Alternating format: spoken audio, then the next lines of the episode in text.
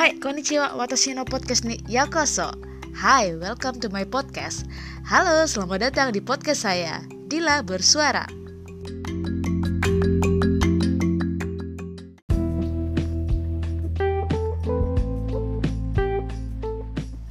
Hi, welcome to the sixth episode of Industry versus Academia in Dila Bersuara.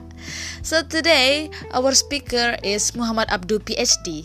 I call him as Ma'at. So Ma'at is the expert of economy in Bengkulu City. Now he live in Australia. So do you want to know what is he doing or do you want to know what is his opinion about global economy, Indonesian economy, or what is his message for us as a as a millennial just check it out and we will speak in Indonesian sorry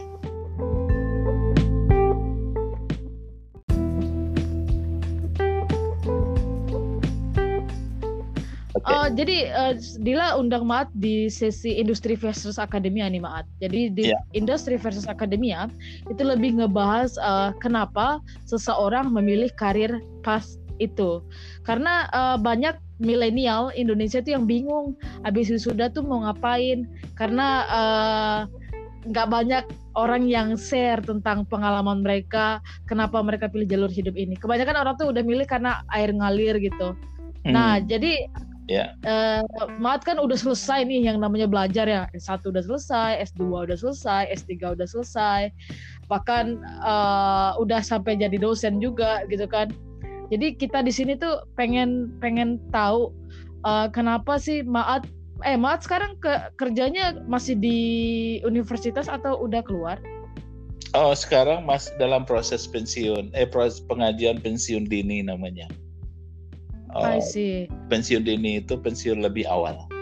Early oh. retirement ya. Mm-hmm. Hmm. Dulu kenapa milih jadi dosen mat? Nah, itu menarik.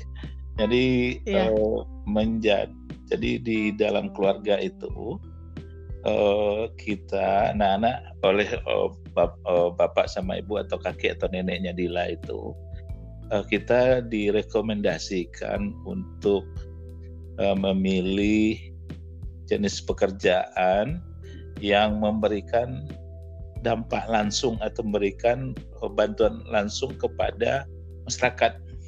Jadi pilihannya mm -hmm. itu uh, uh, adalah guru atau uh, uh, medis uh, bekerja di medis itulah uh, termasuk. Oh. Jadi pilihannya makanya kenapa Madang itu kakak uh, kakak mat yang paling tua itu jadi dokter. Terus sisanya ke bawah guru dosen uh, uh, guru dosen dosen. Nah cuman satu yang yang paling kecil itu meleset ke dia bakatnya sih ngajar juga.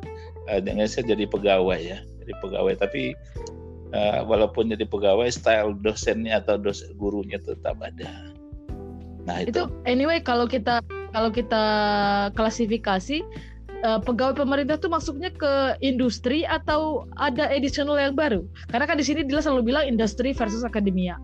Tapi kalau pemerintahan tuh maksudnya ke mana sih? Apakah industri? Pemerintah ya pemerintah government uh, civil civil servant. Jadi bukan industri. Uh -huh. uh, Oh jadi bisa dibilang sebenarnya klasifikasi dunia kerja itu bukan di akademia doang, bukan di industri doang, tapi ada satu lagi yang namanya government ya. Government tuh gak bisa dimasukin kedua kedua hal ini ya. Uh, gimana mengklasifikasikannya ya? Uh, karena di dalam bekerja itu kelompoknya adalah bekerja dan tidak bekerja. Nah kalau Weh. kalau bekerja bekerja full atau bekerja uh, uh, part time gitu kan terus atau juga pekerja permanen atau casual. Nah, nah, sedangkan apakah itu di pemerintah atau di industri atau di apalagi kira-kira di bidang kesehatan atau segala macam itu jenisnya, jenis pekerjaannya. Hmm. Nah, kalau mm -hmm. industri itu sendiri kan eh, pengertian Dila dalam industri di sini apa? Eh, orang-orang uh, yang kerjanya tuh bukan di universitas. Oh enggak, jadi industri itu industri itu adalah proses ya.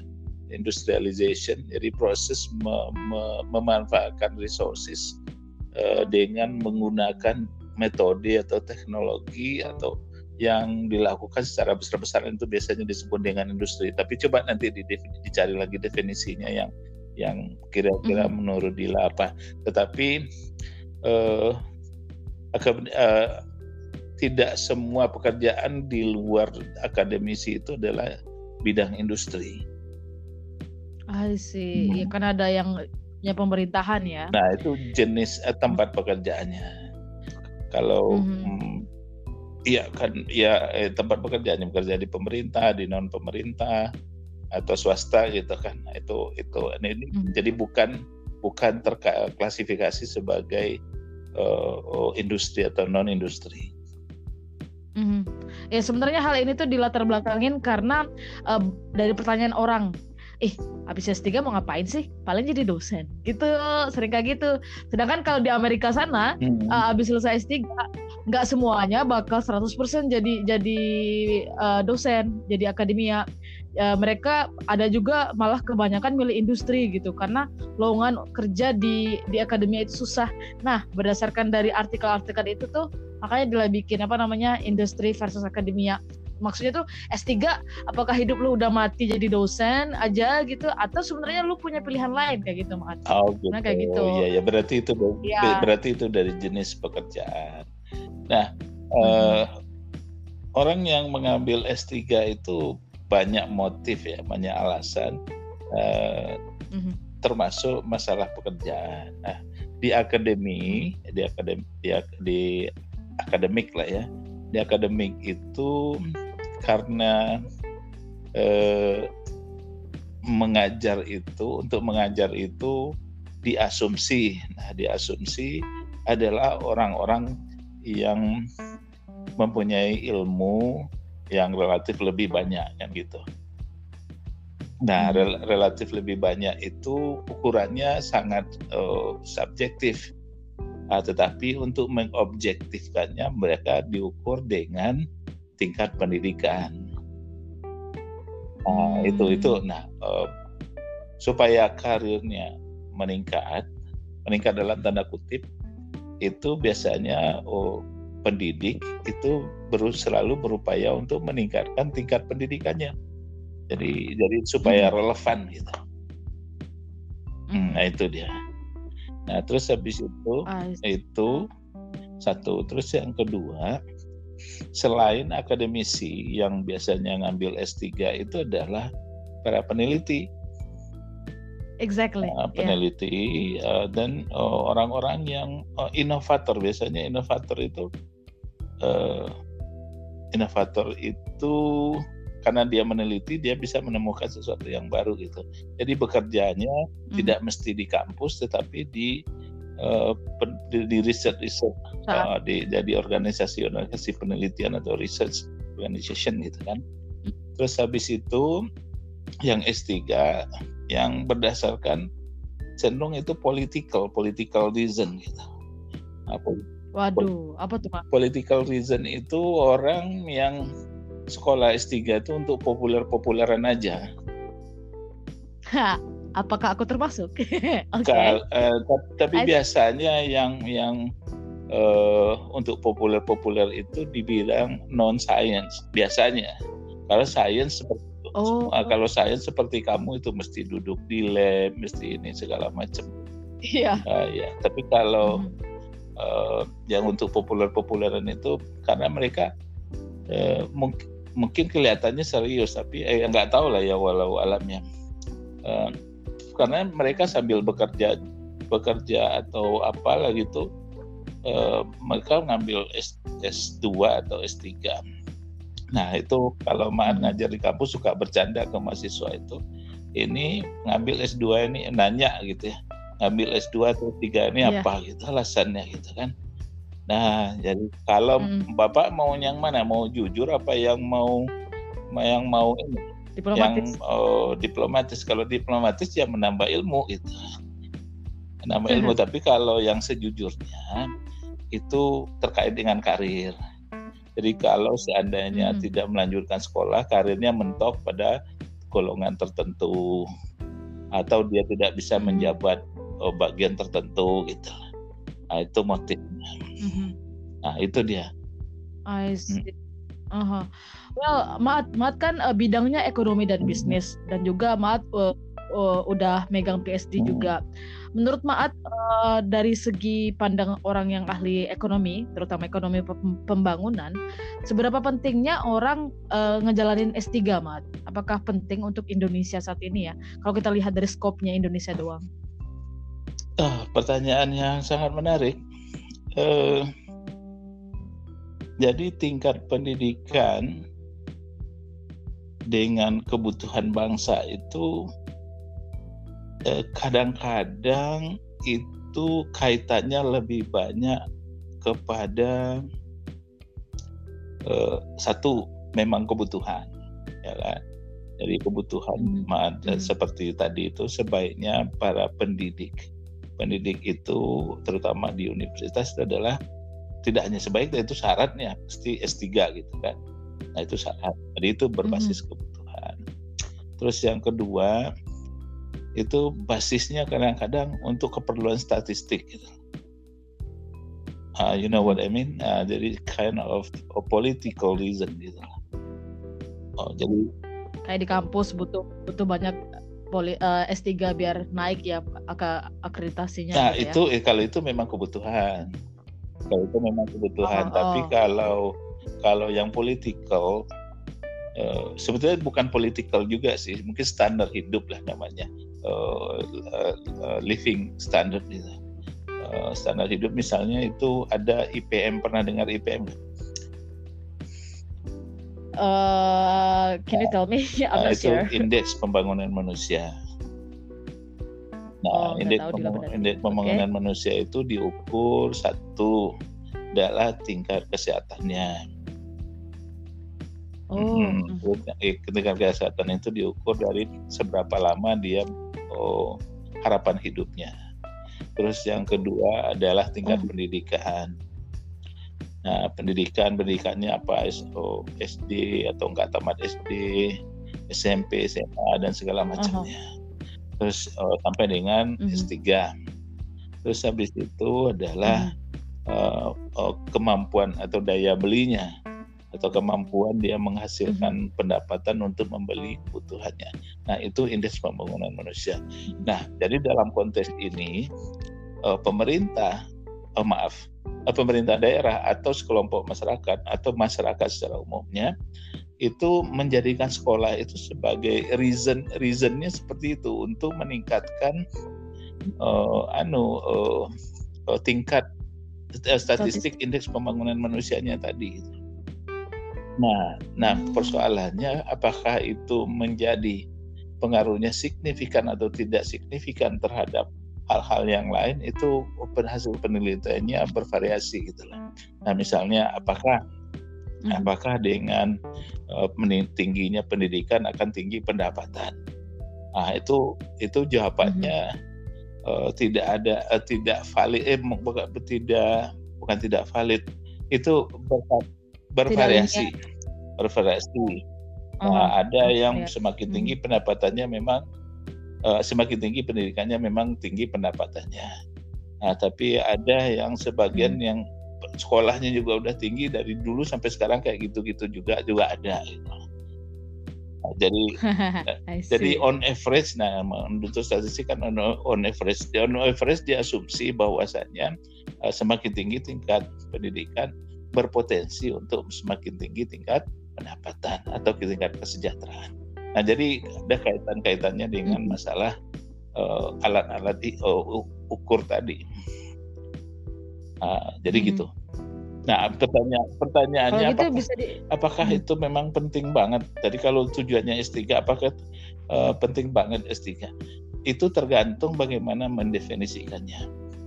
Misalnya misalnya uh, satu daerah atau kepala daerah yang yang bisa melihat persoalan daerahnya secara objektif dan secara clear, dia akan um, mengkalkulasi bahwasannya untuk ini dia perlu S3 sebanyak ini atau perlu S2 sebanyak ini atau S1 saja sebanyak ini. Nah, tapi dalam kenyataannya itu kadang-kadang kalau dari segi kualitas kerja itu belum tentu ada perbedaan yang signifikan antara S1 dengan S2 misalnya. Nah, jadi jadi hmm. jadi semuanya ini masih uh, apa ya uh, bukan tidak valid tetapi uh, bervariasi jawaban anunya uh, bervariasi. Relatif. Relatif. Ya. I see, relatif gitu. Ya.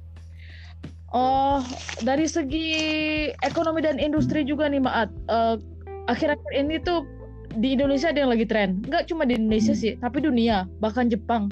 Jepang yang yang ekonominya bener-bener kaku gitu ya. Yang kayak robot orang kalau di dunia kerja atau di dunia akademia. Sekarang malah buka buka lahan baru yang namanya uh, startup gitu, Mat. Dila mau nanya sedikit tentang tentang tentang startup ini karena penelitian Mat kalau nggak salah tentang bisnis yeah. incubator kan ya. Waktu hmm. PSD dulu. Uh, menurut menurut Maat uh, dengan adanya startup di dunia ini yang sekarang malah jadi tren anak muda yang sepertinya bisa jadi pilihan bagi orang yang ingin berkarir dan juga ingin research di hal yang bersamaan apakah dengan munculnya startup ini kesejahteraan bisa semakin bagus oh, menarik dunia? ya menarik sekali. Uh, jadi oh ini nggak ada kaitannya dengan S3 ya uh, oh, I see. Uh, karena Dila lihat apa namanya di di penelitian mat tuh mat eh, tema S3-nya tentang bisnis inkubator jadi mikirnya sekalian aja deh gue tanyain tentang waktu meneliti oh, tentang okay, itu baik. gitu. Nah, jadi karena memang topik itu betul tapi dengan topiknya Dila uh, mungkin pertanyaan yang benar itu mm -hmm. apakah ada hubungan antara S3 dengan startup? Satu Asik. Thank you. Thank you. I love you. I love you for your correction. Ah, yours. Ini kualitas profesor ya udah gitu tuh emang. Ya terus. Kalau uh, ya ya itu, itu yang penting. Uh-huh. Terus yang uh, itu dari segi ekonominya memang yang tadi betul. Pertanyaannya betul bahwasanya uh, di dunia atau di mana-mana saja itu itu yang punya peran besar terhadap uh, kontribusi ke negara itu adalah startup startup itu small enterprises. Itu majorities anunya majority hmm. itu. Sekitar 60 atau 70 persenan lebih itu itu. Malah kalau Australia sendiri itu yang small size itu sampai 90 persen apa. Nah, dulu ya kalau nggak tahu berubah nggak. Di Indonesia wow. apalagi yang yang yang yang uh, uh, medium atau large company itu itu kecil dari 10 persen rasanya jadi artinya majority, the majority hmm. of the uh, pemain-pemain ekonomi itu adalah small sizes, uh, small, um, micro, hmm. small, and medium. Karena mereka menyebut. Mm-hmm. Jadi pengen. Jadi, nah, uh-huh. nah tunggu sebentar. Jadi, Jadi biar biar tuntas, biar tuntas. Apakah baik, baik. bagaimana keterkaitannya antara um, uh, sekolah tinggi atau uh, eh, PhD atau S3 dengan masalah startup tadi. Startup tadi penting, uh, tetapi yang sekolah S3 biasanya biasanya itu uh, butuh resources yang besar untuk berinovasi. Biasanya ya. Nah, seperti seperti pendidikan kamu mm-hmm. aja, hmm. kamu itu kan tidak bisa bekerja di perusahaan kecil karena alat-alatnya serba canggih semua hmm. segala macam ya kan? Nah, jadi jadi tidak bisa di perusahaan yeah. kecil. Nah biasanya yang uh, tidak ada keterkaitan yang signifikan antara pertumbuhan pertumbuhan startup atau perkembangan startup itu dengan tingkat pendidikan. Nah yang biasanya yang cukup uh, kreatif itu adalah orang-orang yang pendidikannya tidak terlalu tinggi.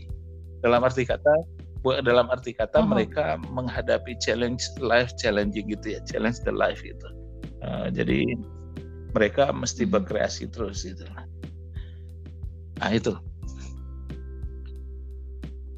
Hmm, berarti uh, kalau kita tekankan lagi sebenarnya uh, kalau kita ngelihat linearitas antara uh, S3 dan startup itu sebenarnya nggak nggak linear ya karena karena uh, untuk menerapkan ilmu-ilmu yang ada di S3 misalnya hmm. di bidang dila uh, atau di bidang yang membutuhkan alat-alat elektronik hmm. yang canggih itu sepertinya di skala startup masih susah Tidak untuk di Indonesia, Indonesia, gitu kan di ya. mana-mana. Di Jepang uh, sendiri mungkin untuk pendidikan kamu dengan standar kamu itu yang bisa meng-hire kamu adalah perusahaan besar. Perusahaan kecil nggak punya. Perusahaan uh, kecil nggak punya resources peralatan-peralatan yang yang diperlukan untuk itu gitu. Tapi iya. itu tergantung uh, tren startup.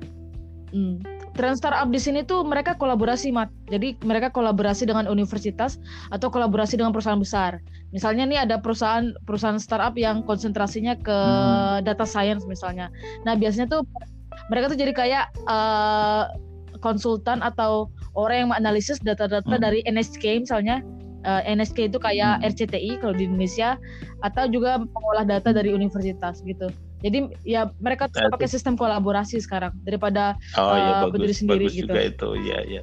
Eh, jadi jadi artinya kalau kalau uh, startup itu sendiri bi biasanya tidak punya resources yang cukup memadai makanya dia kecil gitu kan kalau dia udah punya resources yang cukup besar iya. nah itu biasanya dia jadi medium apalagi dan atau besar gitu atau big company nah mm -hmm. nah kalau yang kecil-kecil ini mm -hmm kalau mereka memanfaatkan uh, eh, SDM dengan tingkat pendidikan yang tinggi itu biasanya lebih mahal, kosnya mahal.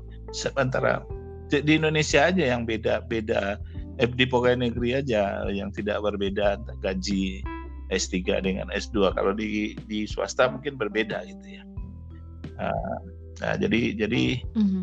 uh, untuk untuk hal itu itu kembali ke linearity-nya uh, enggak signifikan.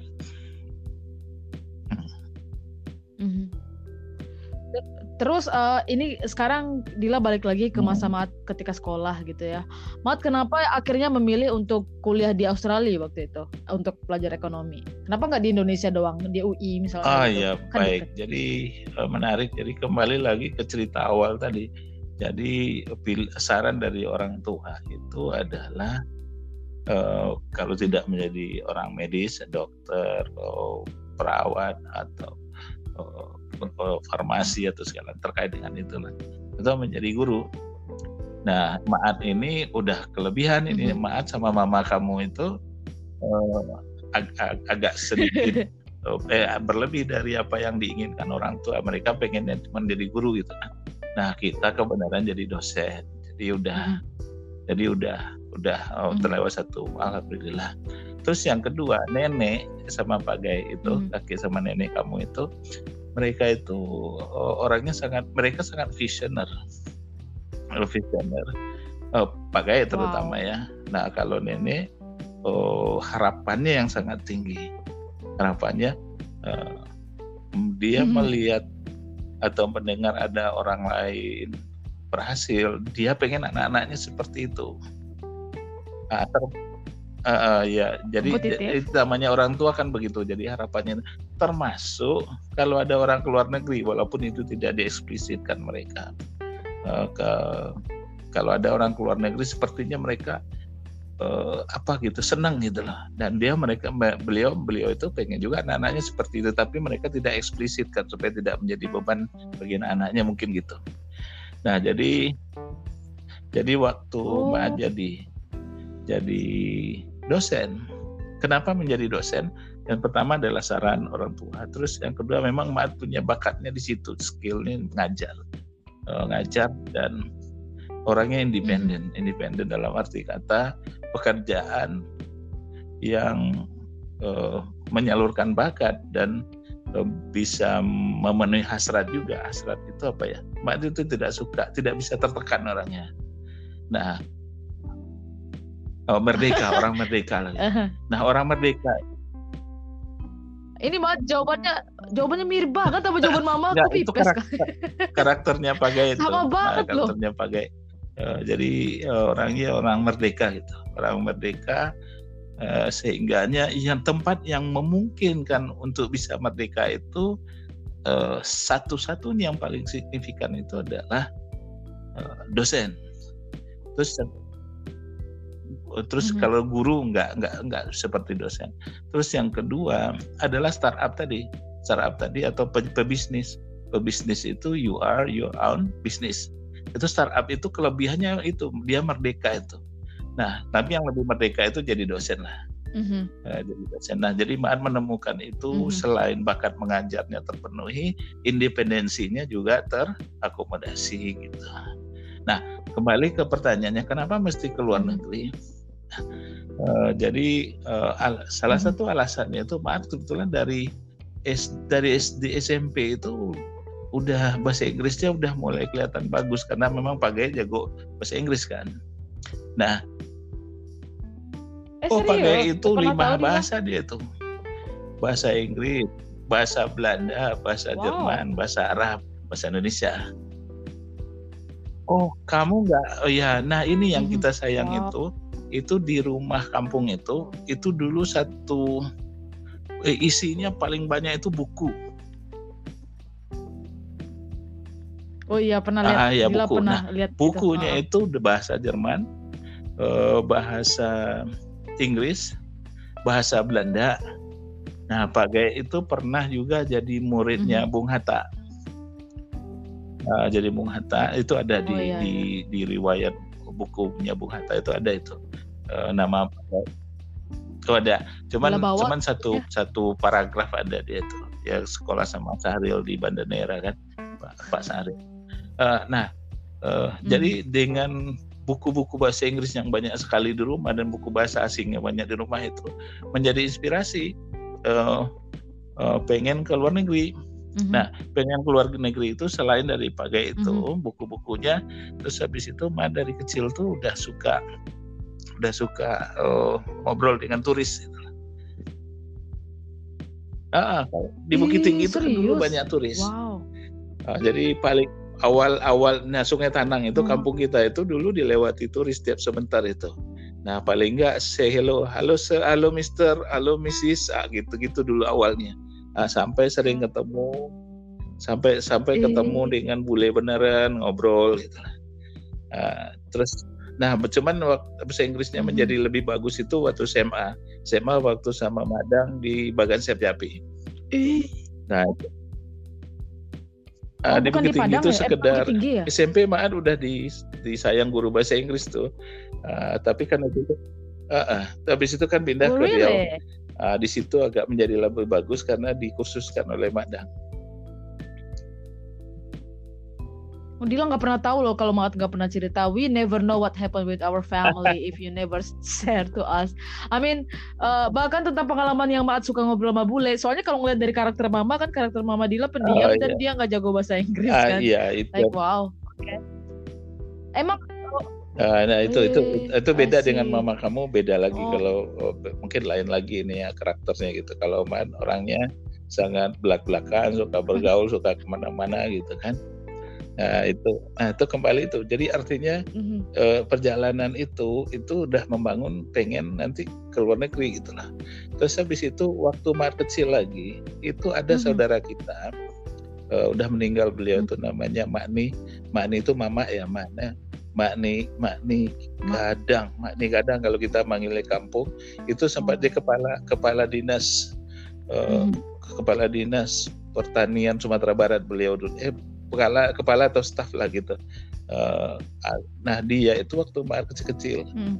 uh, karena itu mama ya mama itu uh, adalah uh, masih keluarga kita, hmm. ya dia uh, seberang di seberang kolam itu ininya oh, rumahnya, itu dia ke Jepang.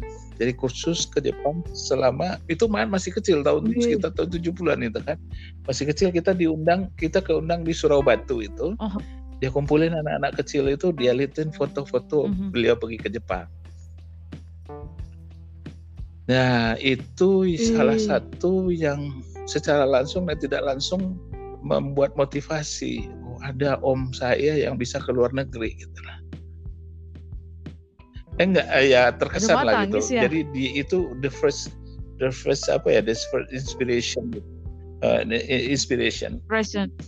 nah itu Nah, sampai di kampus uh, kan oh, udah udah uh, mesti sekolah. Nah, oh, karena nggak cukup S1 aja kalau jadi dosen kan. Jadi salah satu alasan menjadi dosen itu juga karena pengen pengen sekolah lanjut. Nah, nah di saat itu mulai mm-hmm. memilih apakah khusus eh sekolah dalam negeri atau di luar negeri. Kebenaran eh, selera yang lebih dominan itu ke luar negeri. Jadi pengen. Nah, kenapa ke luar negeri? Karena ada mm-hmm. kakak-kakak senior yang udah duluan masuk jadi dosen itu ada beberapa orang keluar sekolahnya ke Amerika. Nah, itu yang sekarang Pak Rektor hmm. Unip itu, nah itu senior Maat ya. Sekolahnya S2-nya di Amerika dulu itu. Dan S3-nya di Australia. Nah, oh. itu menjadi tambah menambah semangat, menambah hmm. semangat. Nah, nah setelah itu kebetulan di kampus Maat itu kelebihannya Universitas Bengkulu itu dulu itu uh, rektornya sangat visioner sehingga hampir semua dosen itu disuruh sekolah yang sebelumnya. Nah, setelah itu, setelah beliau oh. digantikan dengan rektor-rektor lain, visi itu tetap terjaga. Nah, visi itu terjaga sehingganya siapa yang siap mm -hmm. sekolah, sehingga dorongan untuk kepada setiap dosen untuk sekolah itu tinggi. Nah, dorongannya, nah termasuk disediain kursus, mm. bisa mengikuti kursus segala macam. Ma Maat kebetulan punya kesempatan atau diberi kesempatan untuk bisa ikut uh, untuk pengembangan diri itu. Nah akhirnya tahun jadi sempat kursus ke mm-hmm. Bandung uh, tiga bulan, ke Jakarta tiga bulan. Nah pas di Jakarta masih bingung mau sekolah ke mana. Tapi yang penting targetnya luar negeri. Nah jadi uh, uh, targetnya. Wih, gila mirip banget. Nah, terus habis mirip itu banget. pada saat okay. lagi kursus uh-huh. itu ada uh, sering ada yang menawarkan sekolah di sana atau sekolah di sini gitu kan. Nah, yang sekali itu datang yang datang dari Australia, hmm. uh, pengen ikut, ikut, terus habis itu oh, disku, oh, di, di interview dengan dia ngobrol segala macam. Nah akhirnya dia ditentukan man. Sebelum itu, ah, tunggu sebelum itu man ngirim ke salah satu juga di Aust di uh, Western Australia itu diterima, tetapi diploma, uh, di diploma. Terus habis itu dengan ketemu oh. dengan orang Latrop ini hmm. itu di, di ya di, di inilah di hmm. sila formulir segala macam dan di interview. Nah, eh, akhirnya mereka terima. Akhirnya sampai ke Australia. Nah, itu kenapa ke Australia? Jadi target sebetulnya tidak mesti Australia tetapi luar negeri. Luar negeri waktu itu oh, yang lebih besar itu keinginan itu ke Amerika atau ke Eropa gitu. Nah, tapi dapatnya Australia. Alhamdulillah, mm -hmm. tetap tetap alhamdulillah sih. Mm -hmm. hmm. Iya, Mat, Mat dari cerita Mat tuh kok kayak Dila, hmm. Dila ngerasa Dila juga kayak flashback gitu loh Mat. Mat tahu nggak sih orang yang menginspirasi hmm. Dila untuk keluar negeri tuh tahu nggak siapa? Hmm, siapa coba? Tahu nggak siapa? Uh, maybe I told you many times, I don't know, or maybe I told to your daughter uh, eh, Maat itu orang yang yang bikin Dila pengen keluar negeri loh. Dari Dila hmm. dari Dila kuliah S1 itu sebelum wisuda jauh sebelum wisuda masih hmm. masih mahasiswa tahun kedua mungkin Dila udah udah punya mindset like hmm. kalau abis wisuda pokoknya gue nggak hmm. mau di hmm. Indonesia dah gue mau dua negeri dah tapi waktu itu mikirnya gue nggak mau Jepang deh oh, gue iya, maunya iya, Austria bukan iya, Australia iya. juga sih pengen ke Australia, karena Austria ya uh. iya Iya karena anti mainstream Jepang sama Jerman udah banyak ya ternyata dapatnya di Jepang seperti itu. Jadi ternyata emang orang-orang di sekitar tuh lebih banyak menginfluence kita ya ternyata ya, ya untuk jadi, untuk luar negeri gitu ya. Kita eh, istilahnya hmm. itu semacam role model ya. Uh, role model itu yang kadang-kadang kita tidak yeah. ngapa-ngapain tetapi itu menjadi sumber inspirasi bagi yang lain gitu. Nah, peran kita kepada saat itu sebagai role model. Ya terima kasih kamu hmm. MR udah jadi menjadi inspirasi kamu. Oke. Okay. nah. Iya.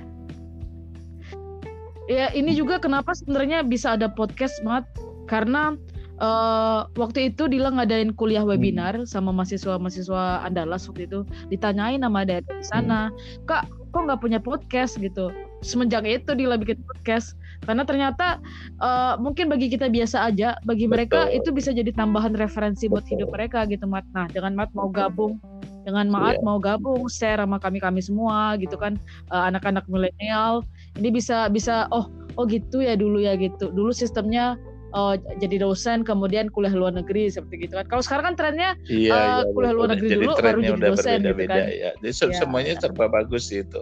Tapi um, juga senang kamu ini melakukan ini. Ini sebetulnya hmm. jadi diniatkan oh, satu memang untuk uh, memenuhi permintaan adik-adik atau permintaan siapa saja gitu kan. Nah ternyata, nah kembali ke poin awal itu untuk menjadi pendidik atau menjadi guru itu, itu kenapa itu menjadi alasan orang tua kita, oh kakek nenek kamu itu, itu itu ada filosofinya hmm. berbasis agama. Hmm. Nah, jadi berbasis agama itu apabila hmm. kita hmm. seseorang itu meninggal dunia, maka semua ibadahnya, amal ibadahnya terputus kecuali dalam tiga hal. Yang pertama adalah apa? Doa anak yang soleh. Terus yang kedua oh, sedekah dan infak mm -hmm. yang anu oh, yang ditinggalkan. Terus yang ketiga adalah ilmu yang bermanfaat. Mm -hmm.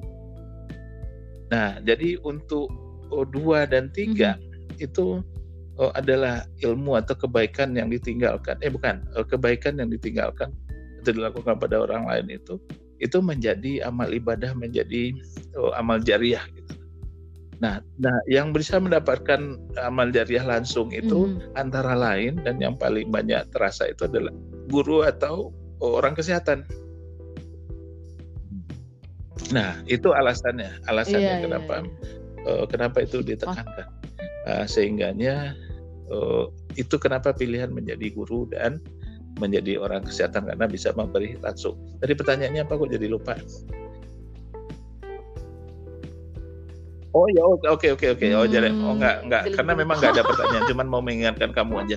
Jadi jadi memberikan mengajar itu yeah. tidak mesti langsung yeah. menjadi guru oh, atau menjadi dosen.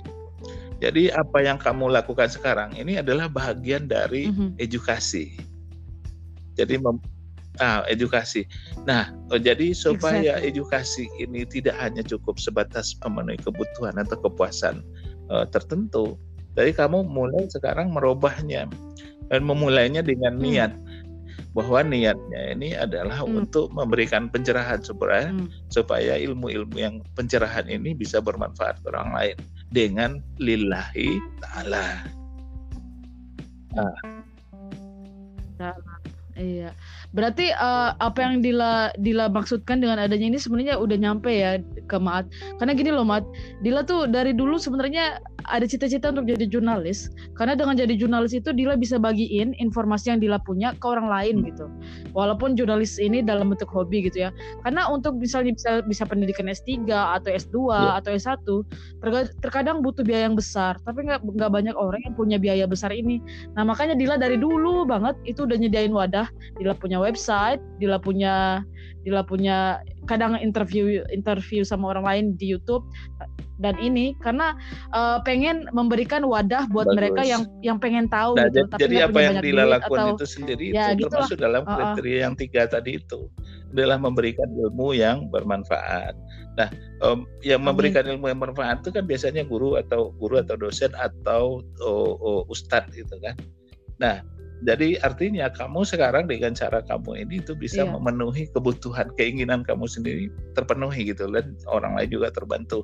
Nah dalam konteks yang lebih tinggi uh, niat kamu selain memenuhi uh, memenuhi hobi tadi dan memberikan kepuasan kepada orang lain itu sekarang niatnya itu ditambahin satu satu satu satu level. Jadi dimulai dengan Bismillah, Bismillah saya melakukan ini. Mm Ya, ini, ini maksudnya ini supaya apa yang kamu lakukan ini bisa menjadi amal jariah. Amal jariah yang seperti kenapa menjadi guru Berkah. kan gitu tadi oh. kan. Uh.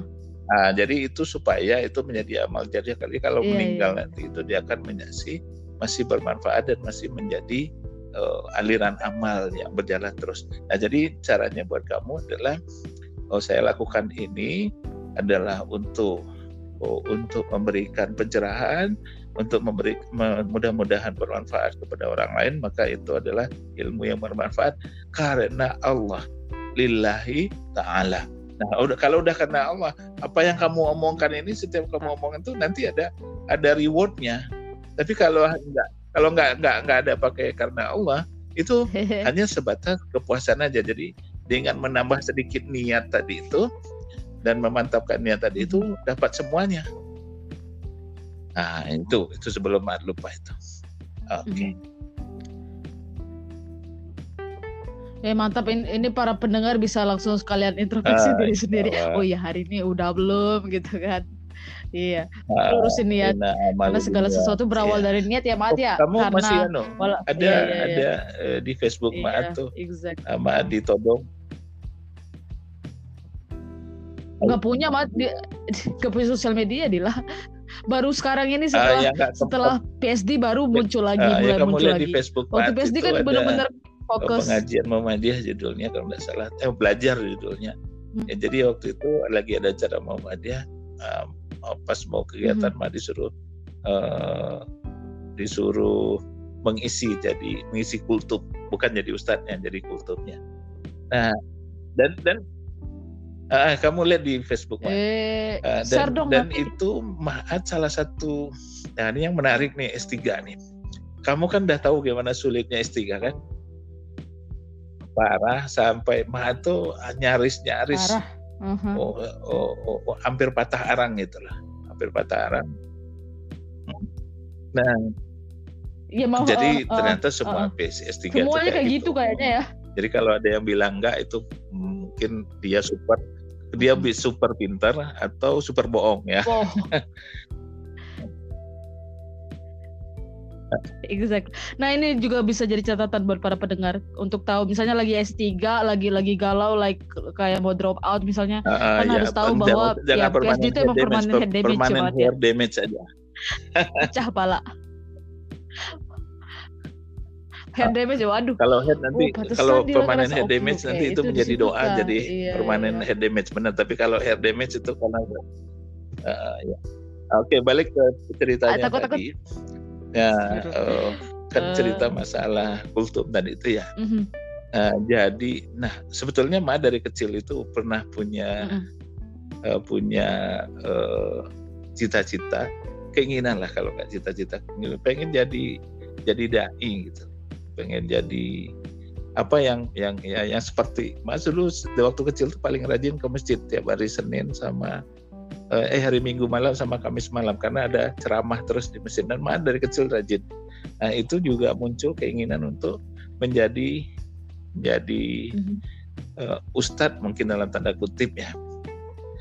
Terus terus habis itu waktu sekolah S3 karena, karena itu mm-hmm. udah kan udah lupa aja semua pengen jadi ustadznya udah lupa semua waktu udah kerja udah kerja segala macam Nah, terus udah I uh, terus habis itu I know that. waktu S3 itu karena memang okay. sangat sulit sekali itu dekat sama Tuhan kan uh, ada kedekatan mm -hmm. dengan Tuhan itu rajin sholat mm -hmm. ngaji segala macam itu itu karena di sana itu ada ada penderitaan gitu kan uh, nah di saat di saat itu juga pernah punya punya uh, nazar nazar itu nazar dieksplisitkan.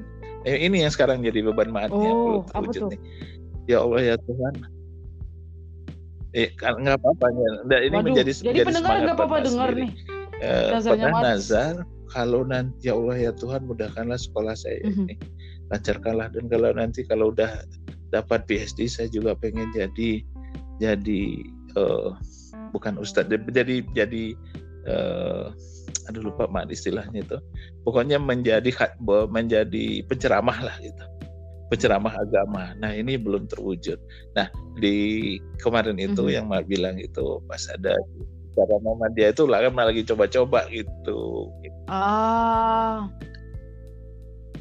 uh, mm-hmm. itu, itu baru pemanasan baru happen finally. Uh, Nah, ya nggak tahu lah, pengennya sisa-sisa umur ini, okay. uh, apalagi man udah pensiun hmm. dini kan, uh, mungkin uh, ya, oh muda masih muda tapi maat, muda di, di orang Jepang masih muda ini, mereka masih, uh, iya, kalau dia iya mereka masih 50 tahun aja masih paling, masih sehat banget mereka, 70. jadi maju jadi masih, masih banyak waktu, jadi sambil mencari yang yang yang lebih iya. sesuai di sini sambil hmm. insya Allah uh, pengen pengembangan diri untuk uh, mau balik hmm. mau balik istilah mau balik jadi mau balik nah, mau balik itu adalah orang yang uh, orang oh, yang iya, berupaya iya.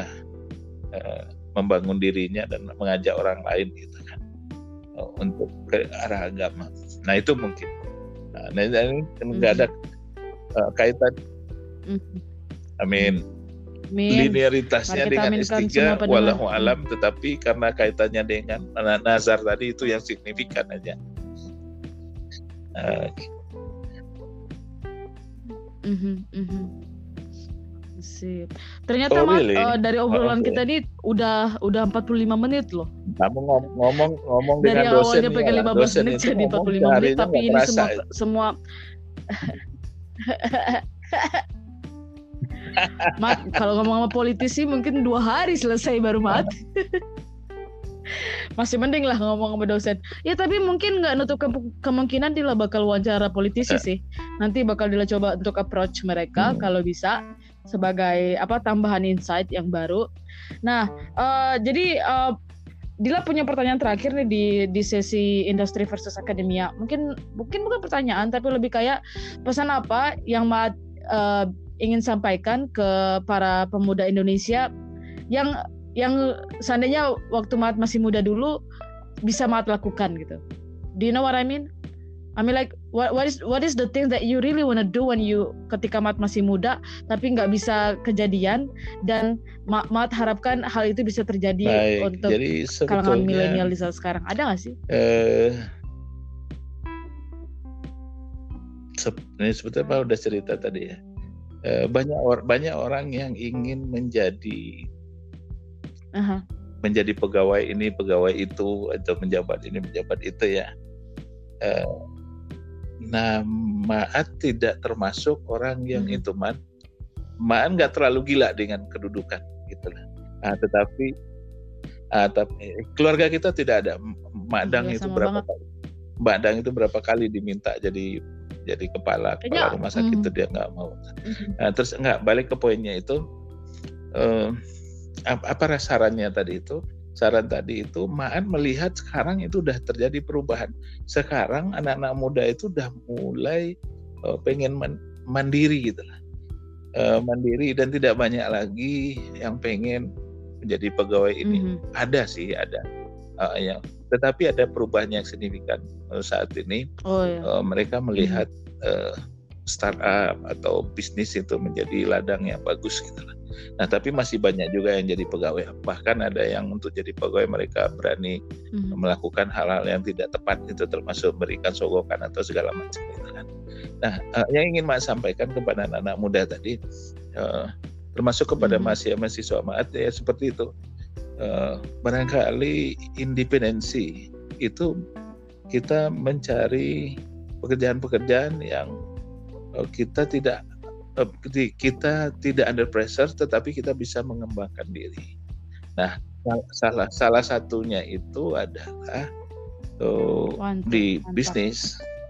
Nah, walaupun Mak sendiri di bisnis itu enggak, enggak, tidak praktisinya tapi mm -hmm. teorikalnya, akademisnya. Nah, baru mau sekarang mau bisnis nih, insya Allah ini lagi lagi mencari format yang bagus, apa bisnis yang bagus. Nah itu saran kepada anak muda. Jadi jangan Amin. mengharapkan kepada kesempatan yang ada kalau bisa menciptakan kesempatan itu. Wow, Wow, ciptakan kesempatan men, apalagi masih muda, power ah, masih banyak, nah, di, tenaga di lagi gimana bisa lah pokoknya ya, mati ya. Oh, menciptakan. nah, dari Ma, Ma, ya, Ma Dila, berharap off air aja. juga. uh, seperti yang yang kita uh, off air tadi itu kamu sempat yeah. cerita mengenai masalah pekerjaan di sana. Nah, usahakan kamu diterima itu karena karena kamu karena mm -hmm. skill kamu. Jadi sehingga aja uh, nah karena dengan skill kamu itu Wih. kamu tidak dikunci iya itu. dengan peraturan mereka gitu. Nah, termasuk seragam segala macam kan kamu ngirim seragam kan. Seragam itu kalau iya. kamu yeah. dibutuhkan mereka nggak peduli kamu mau seragam apa aja. Mm-hmm. Mau pakai jilbab nggak jadi jilbab mereka nggak peduli. Tapi kalau kamu yang membutuhkan mereka mm-hmm. ini terbalik kamu mesti ngikut aturan mereka. Mm-hmm. Nah ini masalah independensi tadi. Nah, jadi sekarang kamu Nah, kamu mungkin hmm. tipenya sama, kita sekeluarga tipenya hmm. orang-orang merdeka semua.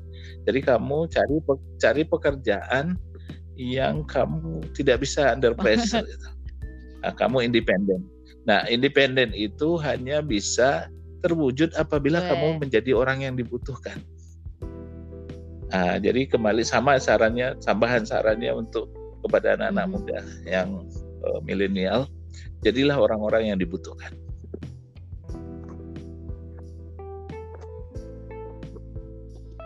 bikin selling pointmu semakin naik. Ini ini mirip dengan bahasan di podcast sebelumnya, Mat. Jadi uh, ada postdoc yang diwawancara mirip dengan yang Mat iya, bilang. Iya, dia iya. bilang dia postdoc karena ingin meningkatkan selling point. Seperti itu. Ya ini bakal Dila catat banget. Semoga uh, Dila bisa mendapatkan itu, pekerjaan yang Dila inginkan itu. Sekarang lagi proses mat. Kamu uh, di, ya, dikerjakan di sana ya. bukan Amin. karena apa-apa tapi karena karena memang skill kamu sehingga kamu agak sedikit cuma sedikit independen. Sebab kalau kamu dikerjakan ke sana karena memang kamu benar-benar butuh, nah persoalannya iya. lain lagi. Nanti pasti ribut terus kamu under pressure terus.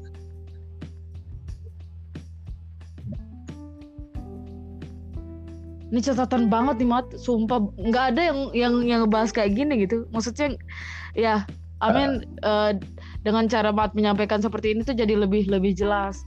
Ketika seseorang punya skill, ketika kamu dibutuhkan, maka kamu bisa melakukan apa yang kamu inginkan dan tidak terlalu tertekan. Ya, Tetap ya. aja saya ada tekanan, tapi nah, nggak jadi, nggak seketika kita dalam posisi sangat membutuhkan kan ya, kayak gitu ya. Iya, uh, sehingganya uh, kita kita itu dipakai karena ke alkes karena selling point kita tadi itu. Karena jadi mereka mereka tidak bisa mengatur banyak. Sebab tipe-tipe mhm. independen mm-hmm. seperti mm-hmm. kita itu tidak bisa diatur. Kalau diatur itu kalau nggak orang sakit kalau nggak kita yang sakit gitu. Ah tapi kalau di nah tapi kalau seandainya independen kok dia kayak ngomong mencermin sekarang? uh, uh, dikelola dengan baik hasilnya powerful. Nah gitu. Insya Allah Mm-hmm. I see. Iya. Ya makasih Mak banget Mak dengan pesannya serta apa penjelasan-penjelasannya hmm. tentang bahkan definisi akademia tadi gitu kan ya di awal awal perbincangan kita. Amin, Semoga sehat-sehat di Australia sana. Ini nafasnya agak pendek-pendek aman gak sih? Tambah geduk. Capean. tambah gemuk eh. sekarang nih. Banyak. Aduh. Iya tadi udah ringan lagi ya. Awal-awal nah, awal-awal ya ngobrol kan, tadi tadi nafasnya berat tapi iya, sekarang udah ringan lagi. Karena tadi, ya, tadi habis kan. makan itu. Ya, tadi berat banget sumpah. Oke. Oh, I see. Baik. Ya udah, Mat. Uh, mungkin kita akhiri aja uh, rekaman kita hari ini. Makasih banget atas inspirasinya. Semoga uh, kalangan-kalangan milenial, kami-kami yang muda ini bisa memetik pelajaran dan bisa membuat hal yang lebih baik. Baik. Makasih banget, Pak.